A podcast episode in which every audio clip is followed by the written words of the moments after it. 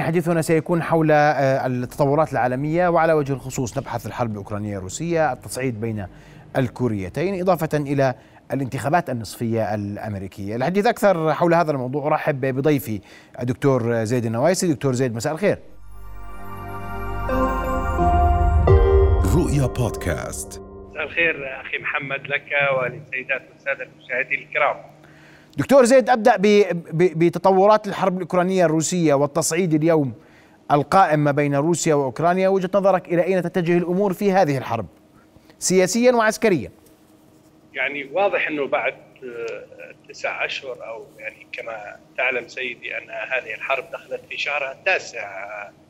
هنالك تطورات عسكرية تشي بأن القوات الأوكرانية تتقدم هذا التقدم بدأ عسكريا منذ شهر أيلول الماضي نتيجه آه، دعم الولايات المتحدة الأمريكية وبريطانيا والأوروبيين عموما بأسلحة آه، حديثة وتقنيات عالية الدقه وأيضا دعم مالي ودعم سياسي مما رفع الكلفة على الجانب الروسي.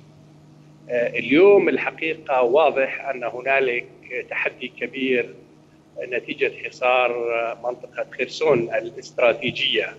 كل المؤشرات العسكرية آه، تشي بأنه آه، روسيا في مأزق بالمعنى العسكري وبانه ربما نكون أمام معركة آه، لها دلالات وتأثير كبير على مسار العملية العسكرية الروسية التي ما زالت يعني روسيا تسميها عملية عسكرية خاصة خاصة بعدما قامت بإجراء الاستفتاء في المناطق الأربعة ولكن واضح أن القوات الأوكرانية تتقدم وتسيطر على جزء كبير آه، منها نعم. آه، بنفس الوقت الولايات المتحدة الأمريكية آه، يعني حسب الواشنطن بوست اليوم طلبت من الرئيس الأوكراني أن يبدأ بالتفاوض ولو سرا مع الرئيس فلاديمير بوتين لأنه الحقيقة نتيجة التقدم العسكري الأوكراني بدا الرئيس الأوكراني أكثر زهوا وحتى يعني لديه خطاب استعلائي من الناحيه السياسيه نحو بوتين عندما أعلن بأنه لن يتفاوض مع روسيا طالما آه، بوتين في نعم. الحكم طيب. وبالتالي رفع الكلفة العسكرية والاقتصادية والسياسية على روسيا في تقديري يبدو أن الولايات المتحدة الأمريكية نجحت هي وبريطانيا تحديدا بالدرجه الأولى بالرغم من أن الموقف الأوروبي نسبيا يعني الذي يعيش ظروف قاسية اليوم وينتظر شتاء قاسي يحاول أن يذهب إلى مسار إنجاز تسوية نعم. سياسية طيب. ربما دكتور زيد في ذات الإطار هناك الحديث عن التوتر ما بين الكوريتين وهناك تصعيد كوري ياباني أمريكي تجاه كوريا الشمالية والعكس بوجهة نظرك كيف تقرأ هذا المشهد؟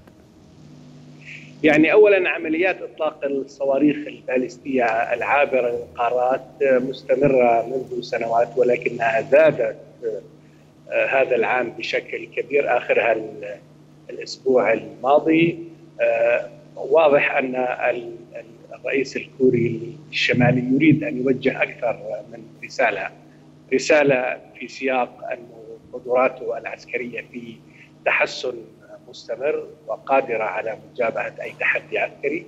الأمر الثاني هو يريد أن يوجه في تقدير الرسالة إلى العالم وتحديدا إلى إدارة الرئيس بايدن التي اختلفت مقاربتها في التعاطي مع كوريا الشمالية عن إدارة الرئيس ترامب التي وصلت إلى مرحلة التحاور بشكل كبير مع مع كوريا الشمالية وصولا إلى عقد قمه بين الرئيسين ترامب والرئيس آه، الكوري الشمالي. والأمر الثالث في تقديري مرتبط في آه، رسالة داخلية يعني للمواطن الكوري الشمالي حتى يتعزز مفهوم الولاء وأن كوريا ما زالت دولة قوية وقادرة على التعامل مع أي آه، تحديات تواجهها. لكن على كل حال يعني أيضا اليابان ليست بعيدة عن استهداف كوريا الشمالية. قبل فترة يعني أطلق صاروخ باتجاه الأراضي اليابانية.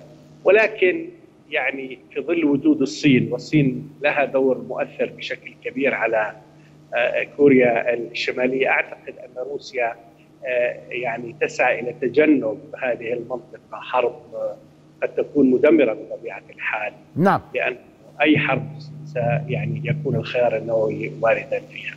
طيب دكتور زيد كل هذه الظروف التي تحدثنا عنها تطرح تساؤلا حول انعكاسها على الانتخابات النصفية الأمريكية المقبلة الثلاثاء. صحيح. اولا انتخابات المنتصف مهمة على الصعيد الداخلي الأمريكي. وهذه المرة تكتسب أهمية استثنائية في ظل تراجع شعبيه رئيس بايدن حسب آخر استطلاع وصل إلى 39 آه، بالمائة. هناك تراجع كبير حسب استطلاعات الرأي في الولايات الزرقاء وهي تاريخيا معقل للديمقراطيين.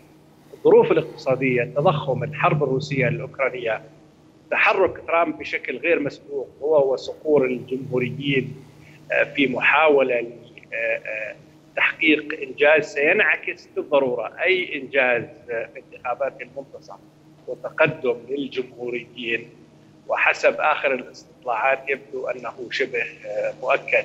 بالرغم من أن الجمهوريين يحذروا من الآن من انه أي محاولة لتزوير آه، نتائج الانتخابات لأنه هناك قناعة لدى فريق كبير من الجمهوريين والقاعدة الشعبية للجمهوريين. بأنه الانتخابات زورت وكان ترامب هو الشخص الذي يستحق أن يكون رئيس الولايات المتحدة الأمريكية. لذلك هناك تحذير داخل أوساط عديدة في الولايات المتحدة الأمريكية من حدوث عنف في حال آه، آه، ظهور النتائج بشكل يعاكس آه، يعاكس توجهات الجمهوريين لأنه هذه النتائج سينعكس عليها من سيكون المرشح في انتخابات 2024 واليوم هنالك حديث كبير عن أن ترامب يستعد لخوض هذه المعركة الرئاسية مقابل بايدن الذي أعلن قبل أيام أنه سيترشح مرة أخرى.